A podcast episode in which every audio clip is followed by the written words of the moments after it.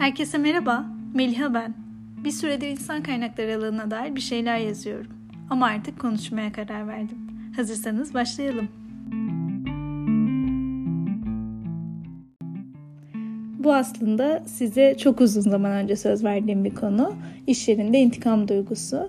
Ama bu duygunun iş yerindeki halini anlatmadan önce sokaktaki halini konuşmakta fayda var. Çünkü intikam aslında ilkel bir adalet duygusu. Çok fazla profesyonel hayat ile ilişkilendirilen bir konu değil. Bu nedenle akademik yazında da üzerinde fazla durulmamış. Zaten açıkçası ben de en çok böyle konuları konuşmaktan hoşlanıyorum. Peki neden, ne zaman bu ilkel duyguya kapılıp kılıçları kuşanıyoruz?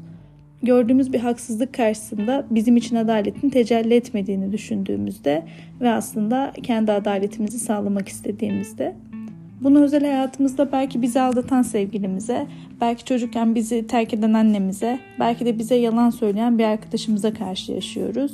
Hepimiz yaşadık çünkü çok da insani bir duygu. Peki ne oluyor da profesyonel ve yetişkin kimliklerimizin boy gösterdiği işletmelerde bile intikam alma hissine kapılıyoruz? Çünkü birisi bize hakkımızı olanı vermiyor ya da hakkaniyetli davranmıyor. Bunun her zaman yöneticimiz olmasına da gerek yok. Bazen yan masadaki arkadaşımıza karşı da bunu hissedebiliriz. Ee, ve öyle büyük büyük olaylar hayal etmeyin. Toplantıda tam siz konuşurken sözünüzü keserek araya giren arkadaşınıza da intikam duygusu besleyebilirsiniz. Bir sonraki toplantıda görür o diyebilirsiniz. Bazen de gerçekten büyük şeyler oluyor. Çok emek verdiğiniz bir projenin tanıtımı yapılırken katkıda bulunan kişilerin isimleri sıralanıyor. Bu sırada sizinki unutuluyor ya da bilinçli olarak söylenmiyor.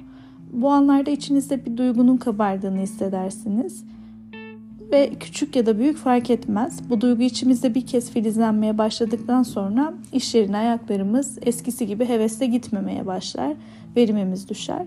Tam da bu nedenle intikam muhatabından çok bizi başarısızlığa sürükleyen bir duygu. Birinin size zarar verdiğini hissedip intikam alma hissine kapıldığınızda kendinizi tehdit altında hissedersiniz. Kendinizi tehdit altında hissettiğinizde de ya kaçar ya dona kalır ya da saldırganlaşırsınız.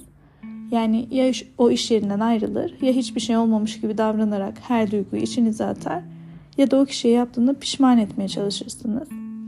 İş yerinden ayrılmanız o iş yerindeki kariyer imkanlarını hiçbir şey olmamış gibi yapmanız ruh sağlığınızı o kişiyle bir savaş haline girmenizde itibarınızı kaybetmenize neden olabilir.